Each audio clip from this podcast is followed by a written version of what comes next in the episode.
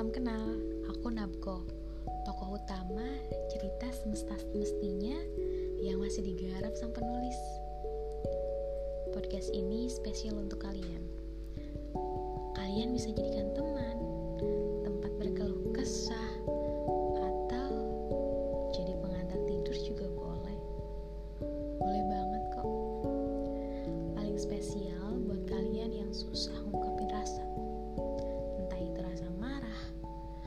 rasa sedih, kecewa, rasa cinta, semua rasa deh pokoknya. Aku tahu, tahu banget ngungkapin rasa itu hal yang tersulit buat kamu. Tenang, kamu gak sendirian. Juga nantinya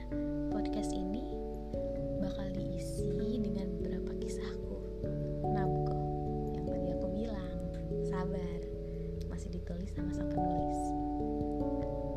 Oke, keadaan lagi kayak gini ya. Banyak orang yang gelisah dan lain sebagainya. Semua rencana tak terlaksana, berantakan.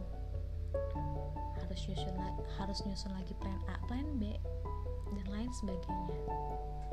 Ngerasa nggak sih? Kadang rencana tak seiring dengan jalannya semesta.